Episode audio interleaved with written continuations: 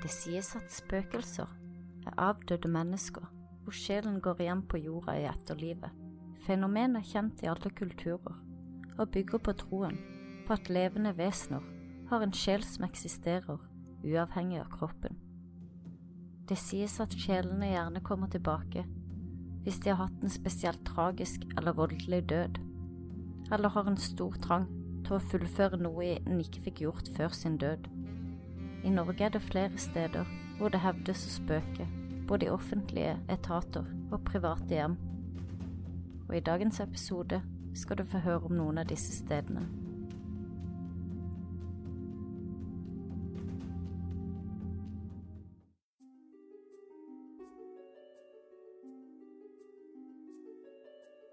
Sett deg godt til rette med noe godt i koppen, og bli med inn i mystikk og mysteriers verden.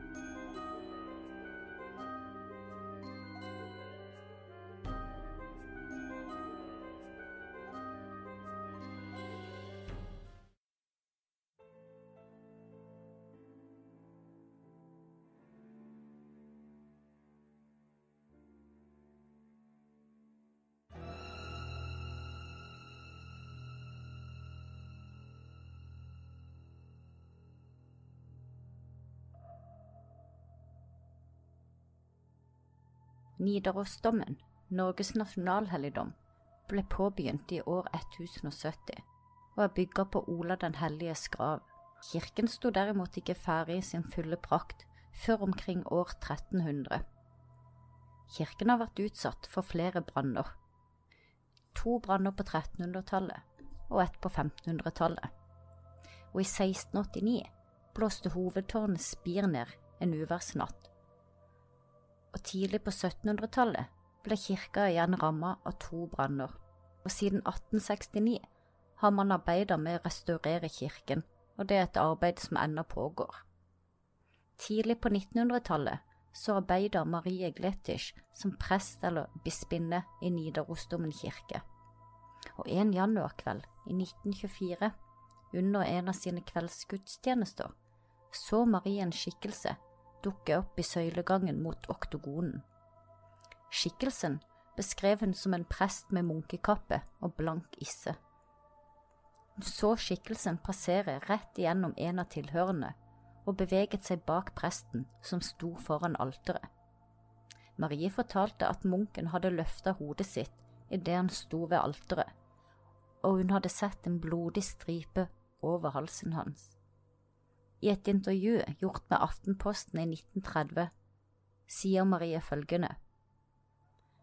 Etter at jeg så den blodige halsen, så turte jeg ikke å se mere, så jeg titta ned et kort øyeblikk, og da jeg kikka opp igjen, så sto munken der med armene i kors og skulte bort på oss, før han så forsvant. Det har versert flere versjoner av historien hennes, og noen steder kan man lese at Marie skal ha sett munken ta kvelertak på presten, og at presten i samme øyeblikk hadde opplevd en dyp fortielse, samtidig som han følte at noe satt fast i halsen hans.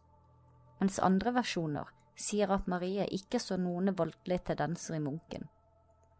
Marie, som var en anerkjent bispinne, var det svært få som tvilte på henne, og hennes observasjoner ble trodd, og siden den gang har munken i Nidarosdommen vært et av Norges mest kjente spøkelser.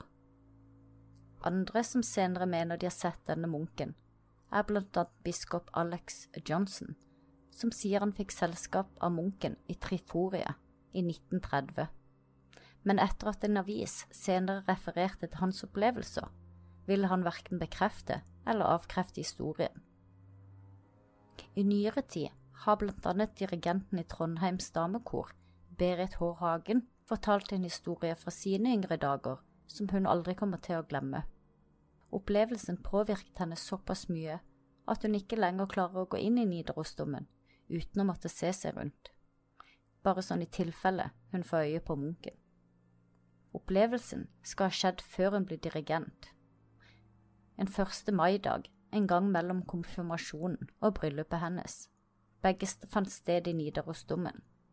I den tiden sang Berit i kor, og de hadde som fast oppdrag å synge i Nidarosdomen hver 1. mai. koret var som vanlig ute i god tid, og satt samlet til venstre for hovedalteret, mens hun satt i midten, på bakerste rekke. Plutselig hadde Berit fått en skikkelig gåsehud fra topp til tå, men kun på den høyre siden, og gåsehuden var så kraftig og påfallende på kun halve kroppen at Berit slapp ut et gisp og stirra på Astrid som satt ved siden av henne. Astrid stirret tilbake på henne like storøyd. Kjente du det også? spurte hun, og hun forklarte akkurat det samme som Berit hadde opplevd, bortsett fra at Astrid hadde fått gåsehuden på sin venstre side, den som var vendt mot Berit. Langsomt snudde de hodene og kikket bak seg, men de så ingenting, og det var heller ingen lufttrekk som de kunne kjenne, verken før eller siden heller. Og i det øyeblikket visste Berit hva det var. Det må ha vært munken som hadde stått og kikket over skuldrene deres, kanskje for å se hva de skulle synge. Organist og komponist Eilert M. Hægeland fortalte også om en opplevelse han hadde hatt i Nidaros, en opplevelse som fikk han til å løpe på dør. Eiler forteller at en kveld hadde han lånt nøkkelen til katedralen for å øve. Rundt midnatt tok han seg en kort pause, og plutselig hadde han hørt munkesang som kom fra nede ved alteret. Stemmen beskrev han som mørk og monoton. Eilert ble nysgjerrig og kikka over galleriet for å se hvem som sang så vakkert. Men da Eilert kikka over kanten, var det helt mørkt nede ved alteret, og det var ikke et menneske å se. Eilert forsto at det antageligvis var et spøkelse, og ble så redd at han løp ut så fort han kunne, med bankende hjerte og gåsehud. Og etter denne episoden ville aldri Eilert øve alene på nattestid igjen. I 1966 fikk to studenter og filosofimagister Jon Medbø tilbringe en natt i Nidarosdomen. Etter oppholdet fortalte de at de hadde hørt tydelige, slepende skritt og messesang. Jon hadde ment at korsangen stammet fra rundt år 1200, fra Perotinus i Notre-Dame, og disse påstandene vekte en voldsom debatt i mediene, og flere intervjuer ble gjort med mennesker som mente de hadde sett eller hørt Munken, og intervjuer med personer som trodde på spøkelser. Etter dette ble Medbø utestengt fra Nidarosdomen på nattestid, etter ordre fra domprosten, og siden den gang har kirkens ledelse sagt nei til alle forespørsler om å filme kirken på nattestid.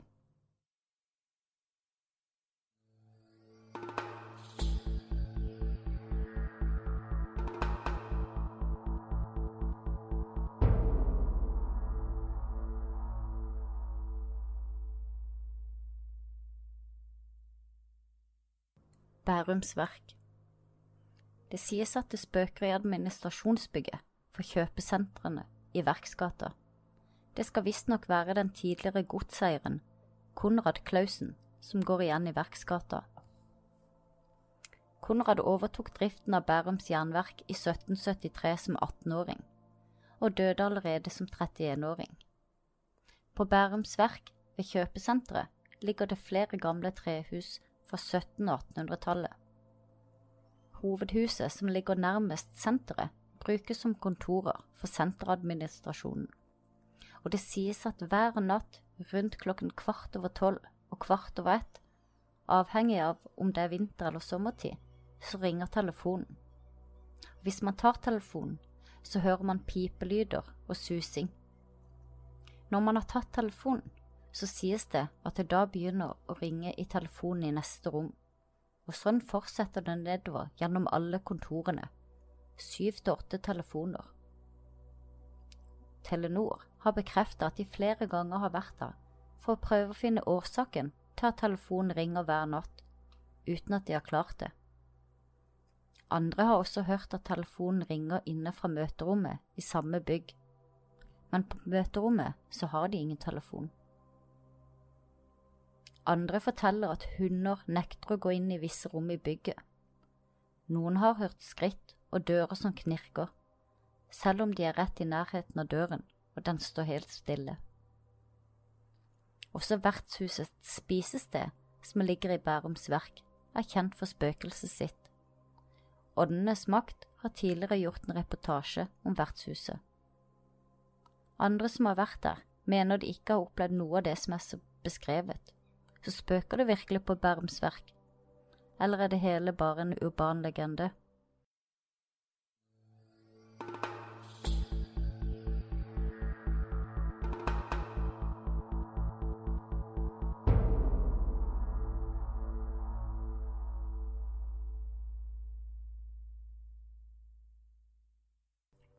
Octavia Salmine Svendsen.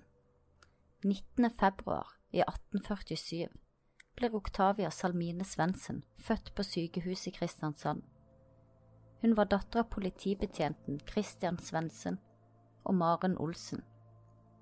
Som 17-åring flyttet hun til Oslo for å bo hos sin tante, og planen hennes var å bli telegrafistinne, men siden yrket hadde en 18-årsgrense, ble hun bedt om å komme tilbake året etter.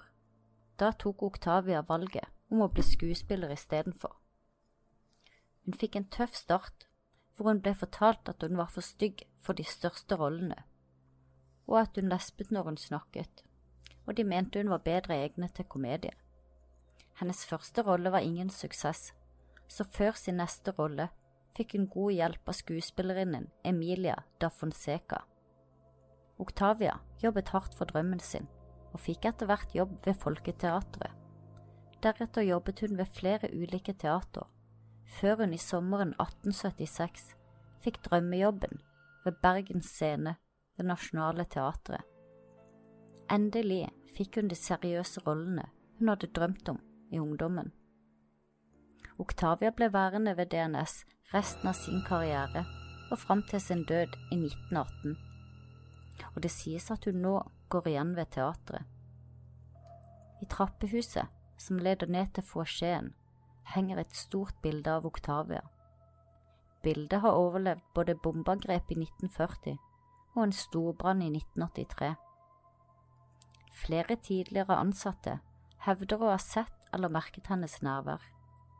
Noen sier de har sett Octavia med parasoll, hatt og rosa kjole. En ansatt ved teatret, Carl Mehl, forteller at han en gang gikk til bildet av Octavia for å be henne ordne opp i noen problemer med teatrets dreiescene. På et senere tidspunkt hadde DNS besøk av et medium, som da kunne fortelle at Octavia sa at hun hadde bedt to mannlige spøkelser om å la dreiescenen være i fred. Mehl forteller at de etter dette ikke har hatt noen problemer med dreiescenen. Andre forteller at Octavia sitter på sin faste plass i frontlosjeen og følger med på forestillingene. Noen sier de har sett henne fly derfra og ned på høyre siden av scenen. Flere hevder også at de har fått hjelp av Oktavia på scenen når de står fast i tekster, for eksempel. De føler at hun er der for å passe på dem, og har ikke opplevd noe ubehagelig med Oktavia. Så husk å følge med i frontlosjeen neste gang du er på Det Nasjonale Teatret. Kanskje får du også et glimt av sørlendingen Octavia.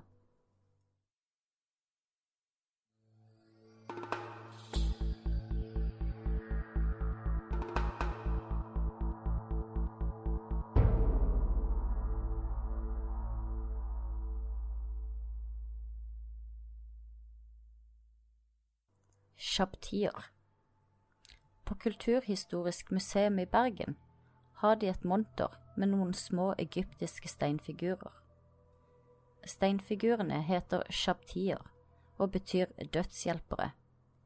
Disse figurene ble lagt ned i kister sammen med mumiene, slik at de kunne arbeide for den døde i dødsriket.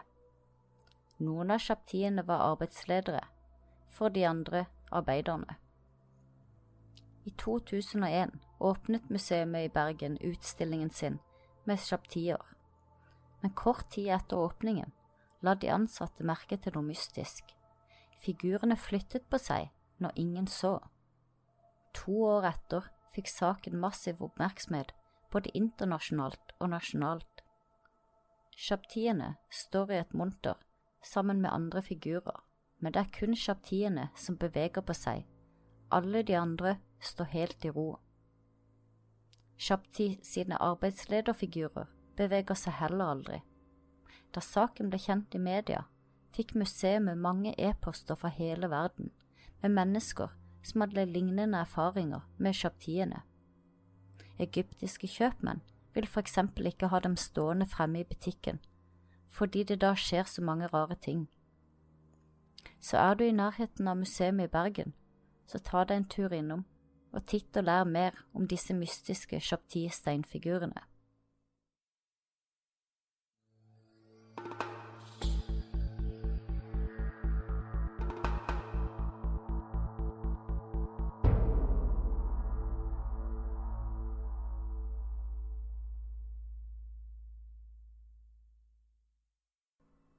Finnskogen Finnskogen er et stort skogsområde som ligger mellom Sverige og Norge. På 1600-tallet, før grensene var tegnet opp, så var det fri flyt av både folk og bosetninger, og mange finner begynte å flytte inn i dette store, tomme skogsområdet, som på norsk side etter hvert fikk navnet Finnskogen. Finnskogen har flere flotte vandringsruter og er en ynda plass for fotturer, fisketurer og naturopplevelser, og om kvelden kan man høre ulven hyle. Men opp gjennom årene er Finnskogen blitt mer og mer kjent for sine mystiske hendelser og mystiske konstruksjoner. På ett sted i Finnskogen hviler en enormt stor stein på en sirkel av små steiner. Steinen er altfor stor og tung til at mennesker har klart å løfte den eller flytte den, og ingen aner hvordan den har havnet der.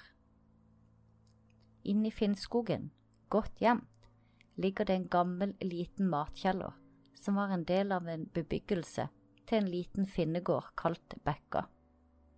Gården finnes ikke lenger, men matkjelleren består. Det sies at flere skal ha opplevd ubehagelige ting når de endelig har klart å krabbe gjennom en smal gang og inn i det to kubikkmeter lille matlageret. Historien sier at en mann ble hengt av gårdseieren inne i matkjelleren, og at det er han som går igjen. Før gården ble fraflytta i 1930, skal det ha skjedd mye rart her. Et likfølge som skulle overnatte på gården, våkna opp neste morgen bare for å oppdage at liket var sporløst borte, og liket ble aldri funnet igjen. En hest skal ha kommet seg inn gjennom en glugge på låven og veggen måtte åpnes med øks for å få hesten ut igjen. Så hvordan kom den seg inn gjennom den lille gluggen? Og kua skal bli sett uten at de har etterlatt seg et eneste avtrykk. I Finnskogen finnes også et bjørketre, og av sikkerhetshensyn arrangeres det ikke utflukter hit. Historien forteller at finnene var kjent for å kunne styre sykdommer, og en trollkyndig kunne fordrive sykdommer ut av kroppen din og inn i bjørka. Bjørka ser faktisk helt forferdelig ut. Den ser syk ut. Den er knudrete og full av ekle utvekster, og det uler og det suser for greinene. Og det sies at man skal passe seg for å gå for nær denne bjørken, da sykdommene kan smitte over. Og det er hovedgrunnen til at det ikke arrangeres utflukter hit. På gården Valgunao Inne i Finneskogen finnes det mange historier. I dag er det bare grunnmuren som står igjen. Men her spøkte det så ille at hele gården ble revet og fraflyttet. Det var om våren i 1901 at de første spøkeriene begynte på gården. På gården bodde en eldre mann, en blind frue og en tjenestepike. En mann fortalte at han hadde sittet i stuen og alt var som normalt, og så gikk han ut, og idet han lukka døra bak seg, hørte han et kraftig smell. Han gikk inn igjen i stuen, og der lå en av benkene, som var skrudd fast i veggen, sprukket på gulvet, og den hadde flydd opp i taket før den landa i gulvet og sprakk. Et annet vitne forteller at de så hvordan en bøtte med vann ble båret gjennom rommet, men de kunne ikke se noen som bar det. En annen historie forteller om en lærer som beslutta å overnatte på gården, i håp om å få en slutt på spøkeriene. Om kvelden, når han skulle legge seg og foldet hendene for å be om beskyttelse fra Gud, så kom en kaffebrenner flyvende gjennom luften og slo ham på fingrene. En toller har en lignende historie. Han var på besøk på gården da han så en stor trebent kaffekoker fly ut på gulvet så kaffe og gru spruta alle veier. Han satte kaffekokeren på plass og kommanderte den til å bli stående, men da hadde han fått en smell over fingrene av en peisrake. Tolleren banna høyt av smerte, og da hørte han et veldig bråk, og det var en stor seng som reiste seg på høykant, og som kom farende mot tolleren. Flere forteller også at kyrne ofte ble sluppet løs og geleida ut fra gården av usynlige hender. Da en prest forsøkte å velsigne gården og drive ut spøkelsene, opplevde han og de som var til stede, at skapdørene ble kastet opp, og kopper og kar ble knust og kasta rundt i rommet.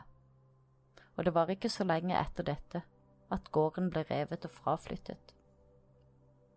Når turistene ble guidet opp mot gården, får de beskjed om å gå stille, så ikke de skal forstyrre de små grå steinene på stedets grunnmur.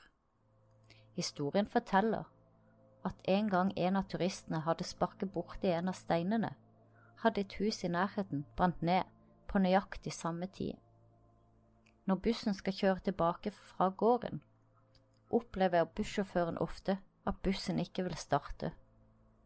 Da spør han om noen av passasjerene har tatt med seg en sten fra spøkelseshuset som suvenir, og når turisten omsider kommer fram med steinene, og får dem ut av bussen, så starter bussen igjen, og ingen kan forklare hva som skjer. I Finnskogen finnes også et stort solkors i jorden som ble oppdaget i 1850, og inni dette korset vil ingenting gro. Selv i dag, over 150 år senere, er det ingenting som vil spire i jorden her. Det er blitt sådd direkte i jorden som former korset, og forskere har tatt prøver av jorden uten å finne noe svar eller noe som skulle tilsi at det ikke skulle gro. Så er du ute etter en flott naturopplevelse, innblanda med litt grøss, er absolutt Finnskogen plassen å reise.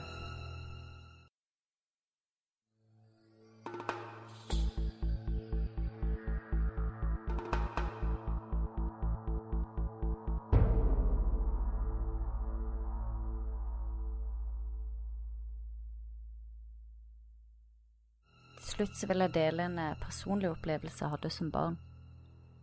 Jeg vokste opp på et lite sted utenfor Kristiansand. Vi bodde ganske langt inn i skogen på en odde. Der var det vårt hus og naboen sitt, og ett hus til som var ubebodd. Grusveien gikk inn til vårt hus, som var det siste, men videre derifra så kunne du følge en liten skogsvei, og da kom du til det som vi kalte for spøkelseshuset. Huset var åpent, dørene på huset var ulåst, og jeg hadde stadig med meg folk fra skolen på spøkelsesturer. Uten at vi egentlig opplevde så mye, men bare det å gå der var ekkelt. Det som var spesielt med huset, var at det hadde to luker ned til en kjeller, men det var ingen som hadde klart å åpne dem. Og ryktene gikk om at det var en mann som hadde sprengt seg i kjelleren der under krigen. Så en dag i sjette klasse hadde jeg med meg fire venner fra klassen på spøkelsestur til spøkelseshuset. Det var ei lita stund siden jeg hadde vært der, og når vi kom denne gangen, så var plutselig døren låst og vinduene lukket. Av en eller annen grunn så tenkte jeg at det var greit å knuse vinduet, så vi kunne komme oss inn i huset. Så vi gjorde det. To av de turte ikke å være med inn, så jeg gikk inn sammen med to av de andre. Vi var to jenter og tre gutter. Nede så var det en stue et lite kjøkken og en gang. Det var ingen møbler, ingenting. Falleferdige vegger. Sprukne gulv. Altså, ja. Det var ganske ubeboelig. Når vi kom inn i ganga, så var det en trapp opp til loftet. I ganga nede så var det ei dør. På døra så var det tegna tre tegninger med svart sprittusj. Det ene var en kniv med blod som dryppa. Så var det tegna en due som det dryppa blod fra. Og helt nederst var det tegna et dødningshode. Vi kikka litt på døra, på tegningene, og så gikk vi opp. På loftet så var det to soverom, og så var det to skap, sånn kotteskap som du kunne gå igjennom. Begge rommene var tomme, det var kun én kommode som sto i ganga da du kom opp fra trappa. Vi åpna skuffene, og det var ingenting.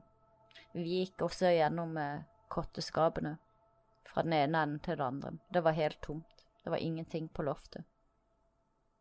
Og så gikk vi ned igjen, og så stoppa vi i ganga for å kikke litt mer på de tegningene. Og mens vi står der, samtidig som vi hører at vennene våre på utsida roper 'det kommer noen', så hører vi at det banker i gulvet rett over oss, fra loftet der vi nettopp hadde vært. Og lyden var så høy, og det var ikke det var ikke tvil om hvor lyden kom ifra. Det var som om noen sto med en svær hammer i gulvet rett over oss og bare hamra løs. Vi fikk helt panikk, alle tre. Vi løp bort til vinduet for å komme oss ut fortest mulig. Det ble nesten krangling for å komme oss gjennom vinduet. Idet vi kommer oss ut og lander på verandaen, så skimter jeg i øyekroken det jeg mener er min bror. Det kjenner jeg igjen på genseren, og så løper vi så fort vi kan derifra. Mest alt fordi at jeg hadde knust vinduet, var redd for å få kjeft for det, og også på grunn av den bankinga vi hadde hørt. Så vi løp, løp opp i skogen. Et stykke vekk fra huset, men nærme nok til at vi kunne se det. Jeg kikker ned, og så ser jeg det som jeg mener er min bror. Sitter på verandaen og ler. Bøyer seg framover og ler. Og så ser vi at han går inn i huset. Vi venter på at han skal komme ut og gå derifra igjen. Det eneste sted du kunne komme ut derifra, det var på forsida, der vi kikka mot. Men han kom aldri ut. Så etter hvert ble vi lei av å sitte oppe i skogen, og så gikk jeg hjem. Og når jeg kom hjem, så var min bror hjemme.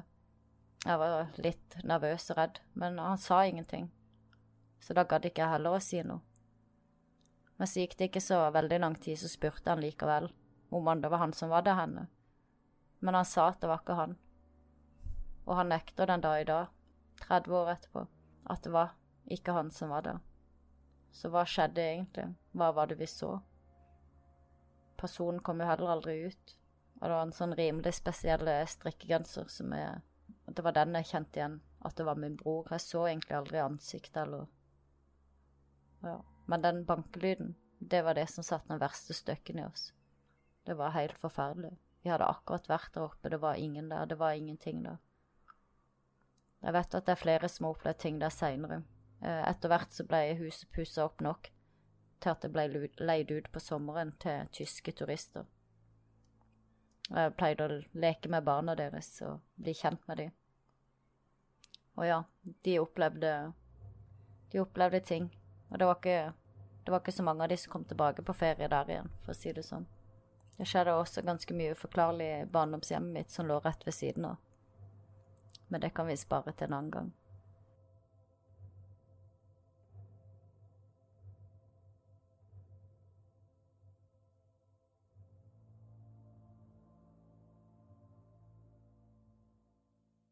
Takk for at du lytta til Mystikk og mysteriet sin podkast. Hvis du likte det du hørte, må du gjerne like og dele og rate podkasten. Har du en historie du ønsker å dele, eller en historie du ønsker vi skal prate om på podkasten? Send inn ditt forslag til mye og.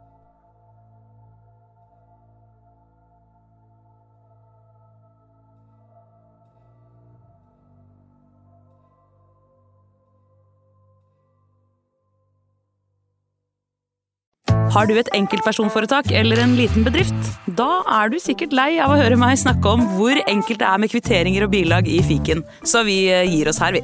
Fordi vi liker enkelt. Fiken superenkelt regnskap.